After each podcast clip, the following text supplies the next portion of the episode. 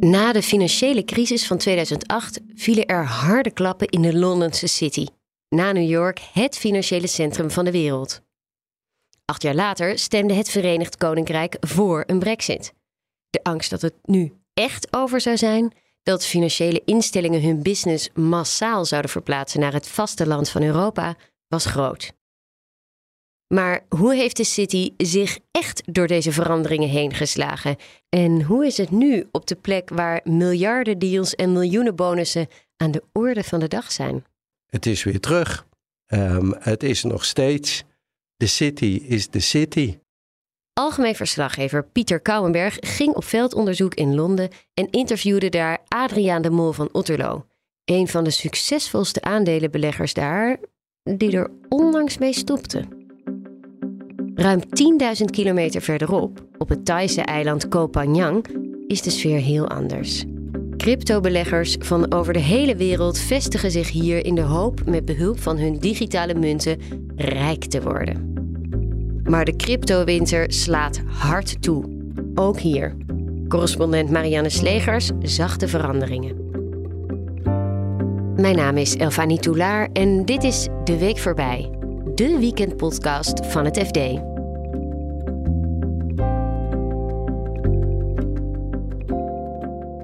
Adriaan de Mol van Otterlo was een van de bekendste aandelenbeleggers in de City en zag van dichtbij hoe de bankencrisis, de brexit en corona het kloppende financiële hart van Londen beïnvloeden. FD-verslaggever Pieter Kouwenberg schreef van 2009 tot 2016 jarenlang over de financiële sector.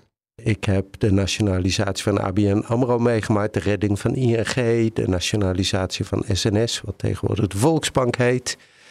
En toen hebben we best veel gebeld en proberen gebeld met mensen in de city om te proberen te begrijpen wat er allemaal gebeurde in de wereld. Hij wilde de mol van Otterlo dan ook heel graag interviewen. Niet in de laatste plaats, zodat hij zelf kon afreizen naar Londen om te zien wat hier zoal veranderd is de afgelopen jaren. Voor de financiële crisis van 2008 groeiden hier de bomen tot in de hemel. Ik heb het ooit uit proberen te leggen aan mijn kinderen. Uh, het ruikt naar geld. Um, marmers, marmer, uh, eethuisjes uh, waar je een fortuin betaalt voor een broodje. prachtige winkels met mooie kleding, zeg maar. maatkostuums voor mannen.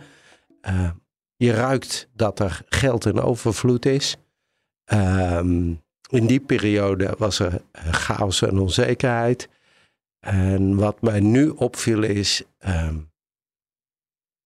het is weer terug. De kantoren van die banken, vermogensbeheerders, beurshandelaren, die zitten allemaal uh, op twee plekken in Londen. Wat zijn dat voor plekken? Liggen die vlak bij elkaar? Nee, nee je hebt het, uh, het oude Financial District.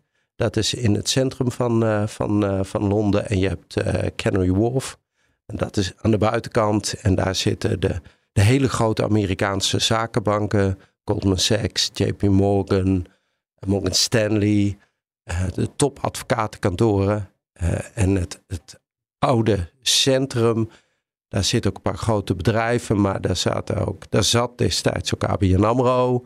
Daar zat Rabobank met zijn eh, zakenbank, ING. Uh, nou, daar zit, dat, dat is wat minder daar geworden. Daar zitten veel vermogensbeheerders, maar um, het is nog steeds de city is de city. Door de brexit zijn toch veel bedrijven uh, daar ook weggetrokken. Het ging toch, het gonste toch altijd dat die city ten dode was opgeschreven. Ja, ja nou, ik merk het niet. En um, ik geloof best dat het, dat het uh, meer, uh, dat er grote zakenbanken ook een kantoor in Zwitserland of in Frankfurt hebben. Maar um, de rumor daar. Ik, ik heb nog steeds het gevoel, er zijn drie financiële centra in de wereld. New York, Hongkong, misschien nu door China niet. Dat, dat gaat dan naar Singapore. En volgens mij nog steeds Londen. Maar natuurlijk is er wel wat veranderd, vertelde de mol van Otterlo aan Pieter. Je ziet nog steeds super ambitieuze jonge kerels en vrouwen in mooie pakken gehaast door de straten lopen en aan het eind van de dag in de kroeg zitten en heel veel bier drinken. Om die spanning eruit te laten. Maar Van Otterlo vertelde van. Ehm, men is zich meer bewust van mm, wat er niet mag. En waar die, wat hij daarmee bedoelde was gewoon in de kroeg zitten met vrienden van andere banken, bekenden van andere banken en vermogensbeheerders. En elkaar aan business helpen. Hij zei dat, dat, dat is strenger. En volgens hem wordt, worden mensen nog harder afgerekend dan voorheen op hun resultaat. Zelf was de mol van Otterlo als vermogensbeheerder sowieso nooit zo van het wielen en dealen in de kroeg. Zijn uh, kantoor zat ver weg van dat uh, ecosysteem, van dat financial district, omdat hij per se niet wilde dat zijn uh, medewerkers gingen praten met anderen. Het zij om die andere tips te geven, het zij om niet authentiek zelf je ideeën te doen. Want wat, wat hij deed was, um, je moet je voorstellen, hij richt dan een fonds op um, waar je als pensioenfonds of als fonds van een universiteit je geld aan kunt geven voor een periode. Hij gaat het dan beleggen en belooft je een rendement ervoor. Hij, hij omschreef het bij me altijd als: uh, ik zoek de perfecte bruid. En daartoe uh, uh, vergaar ik enorm veel informatie, maar doe ik ook onvoorspelbare dingen waarvan ik niet altijd weet waarom ik ze doe. En inmiddels is hij een klein jaar geleden ook gestopt. Waarom? Kort en goed, de bedrijven uh, waar hij in zou willen investeren, die vond hij veel te duur.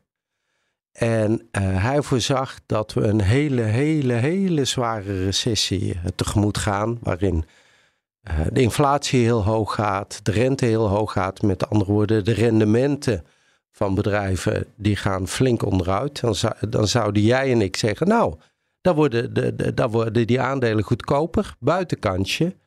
En toen zei hij, nou, buitenkantje, um, dat betekent dat ik tenminste tien jaar bij moet tekenen um, om, um, nou ja, mijn service aan die klanten waar te maken. Want we gaan door een hele rough time. Hij voorspelt, dit gaat tien jaar duren. Hij verwacht een hele diepe nou ja, recessie. En um, dat, dat, dat, um, dat het gewoon tien jaar duurt voordat hij weer fatsoenlijke rendementen kan maken. Hij is 52 en ik denk dat hij. Mijn indruk was dat hij uh, behoefte had aan uh, verandering. Want het is een, uh, een, een levendige geest. Het is een, een vrije denker. Hij woont al sinds 1994 uh, in, Londen. in Londen. Maar hij is heel erg kritisch, ook op hoe het hier in Nederland gaat. Hè? Wat, wat is een kritiek precies? Ja, dat, dat is eigenlijk kort en goed. hij houdt er van zichzelf uit te dagen en hij vindt um, dat Nederland, Nederlanders zichzelf te weinig uitdagen. En eigenlijk zegt hij: We hebben het um, zo goed voor elkaar. Uh, dat we eigenlijk tevreden zijn met zesjes in plaats van dat we mensen uitdagen om te excelleren. En wat ik, wat ik ook wel interessant vind is, um, hij is heel kritisch op de Nederlandse bedrijfselite. Uh, omdat hij zegt, um, ze hebben een zekere arrogantie dat ze meningen van anderen uh, terzijde werpen omdat ze vinden dat ze het zelf het beste weten. Hij, heeft het over uh, de concertgebouw-kliek. En hij is heel kritisch erop omdat hij zegt: um, in Nederland word je gewoon door die bedrijfselite terzijde geworpen als je met uh, kritische vragen en alternatieve opvattingen over wat het bedrijf moet doen aanklopt. En dat vind ik wel verfrissend. Hij stuurt ook e-mails hè, naar politici en journalisten. Uh, als hij kritiek heeft of iets wil kwijt. Heb jij zelf wel zo'n mail van hem gekregen? Zeker. Wat schrijft hij dan? Oh, uh, beste Pieter. nee hoor. Niet eens beste Pieter. Hij zegt gewoon: je analyse van X, Y of Z is totaal mis. en daar legt hij uit waarom. Um, hij is niet zachtzinnig. Dus de eerste keer dat ik zo'n mail kreeg, dacht ik: wat gebeurt hier nou? Wie is dat? Maar hij, hij heeft zijn hart op zijn tong. En beleefdheid, dat vindt hij zonde van de tijd. en, en dat doet hij naar iedereen. Um, Axo Nobel, toen die onder vuur lag. Heeft Jaap Winter, die, die voorzitter van de Raad van Toezicht van de Erasmus Universiteit, een, een keurig mailtje gestuurd. Uh, waarin hij zegt: hey, die, die, die Marion Koopmans, die viroloog bij je, die heeft het maar over dat uh, de oorzaak van het virus zit bij een dierenmarkt in China. Maar is dat wel zo? Want ik hoor dit, dat, dat. Dus waarom onderzoekt ze die andere uh, mogelijke factoren niet? En dan kun je zeggen: waar bemoeit die man zich mee? Um, maar ja, dat vindt hij leuk. Een kanarie in de kolenmijn wordt hij genoemd, hè?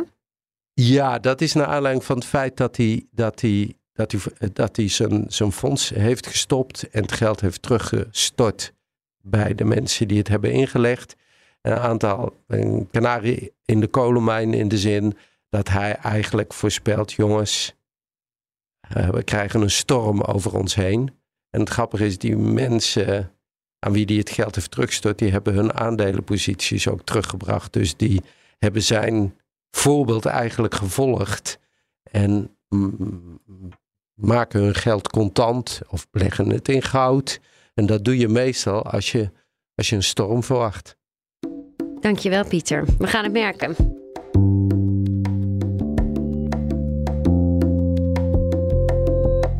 Het Thaise eiland Koh Phangan is bekend.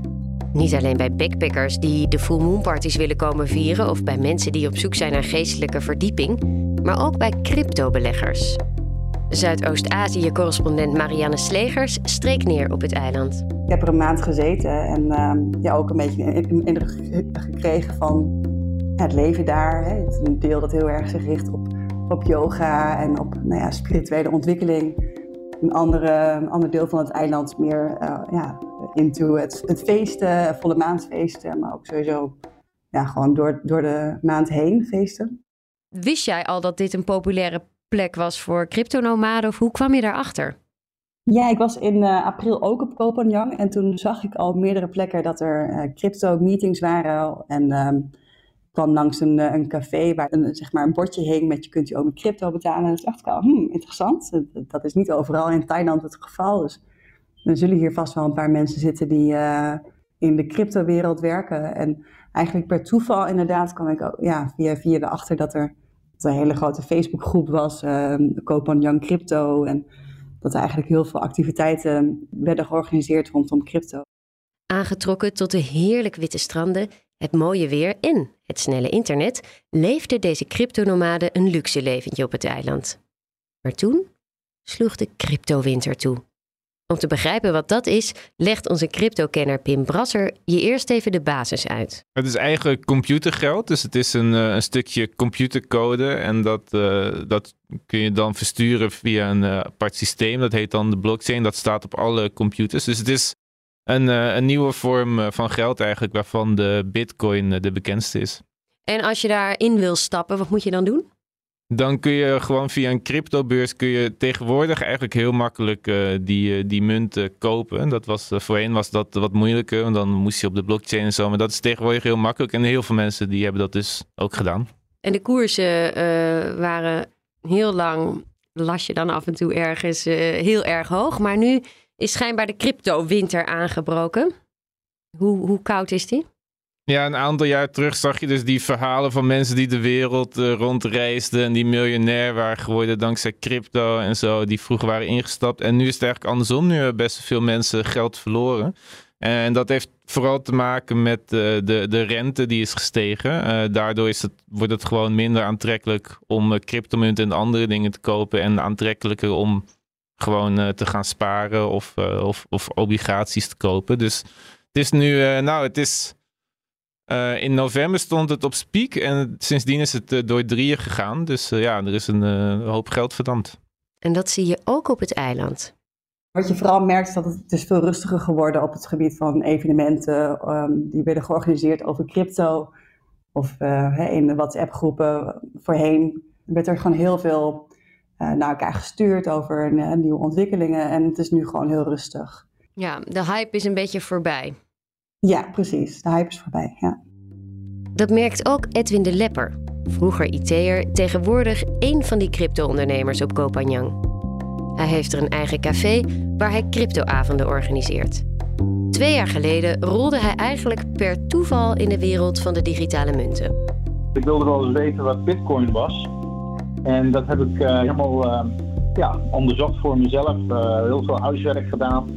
En toen ben ik begonnen met mensen te vertellen over Bitcoin en wat het gewoon was. Zodat mensen een beetje een idee hebben wat nu, wat nu het digitale geld eigenlijk is en hoe cryptotechnologie werkt in, in deze nieuwe wereld. En vanwege mijn IT-achtergrond kwam me dat zo logisch voor dat ik toen alles heb geprobeerd wat het toen uh, was. Dan heb ik het over anderhalf jaar, bijna twee jaar geleden nu. Mm-hmm. En toen ben ik wekelijkse trainingen gaan geven, gratis hier gewoon op het eiland. En presentaties gegeven aan, aan, mensen. En die, ja, die komen dan regelmatig terug. Zoals gisteravond heb ik nog een de laatste gedaan over Chainlink. Want die hadden een evenement in New York. Dat hebben we dan live gestreamd hier uh, vanuit uh, Buddha Café. En dat is ook een cryptomunt? Uh, ja, Chainlink is een uh, bekende, staat ergens in de top 25. En dat, dat is een, voor, voor, mij een heel goed bedrijf om eens naar te kijken. Want dat is niet zo'n hoe zeg zo'n gekke munt, een van de 13 of 14.000 die er zijn waar mensen gewoon geld tegen aangooien zonder dat ze weten wat het is. Ook Edwin merkt dat alles anders is op de cryptomarkt. Ja, de, nou, ik, ik, ik, ik, heb natuurlijk uh, de waardeverlies uh, is voor, voor, iedereen gelijk. Hè. En ik, dacht eerder altijd dat ik uh, heel briljant was. En anderhalf jaar geleden dacht ik, nou, ik hoef nooit meer te werken. Ik heb zoveel geld, nou, dat is fantastisch. Volgens mij ben ik echt briljant in crypto. En nu is het anderhalf jaar later, denk ik, goh, ik ben toch een van dezelfde mensen die ook de waarde heeft zien slinken naar, naar 20% van je portfolio, wat ik, wat ik een jaar geleden had. Weet je. Um, maar uh, moet zeggen, ze zeggen altijd van, kijk, op het moment dat je dat niet verkoopt, komt het wel een keer terug. Maar mijn ervaring is wel, je moet wel echt goed oppassen met welke projecten stop je eigenlijk geld in. En, en um, you know, er zijn heel veel projecten die er zijn nog steeds en, geweest waar mensen echt gewoon veel geld verliezen door mensen die geld stelen. Ja, heel veel mensen proberen te helpen die geld zijn kwijtgeraakt. Zelfs op de exchanges die het gestolen hebben.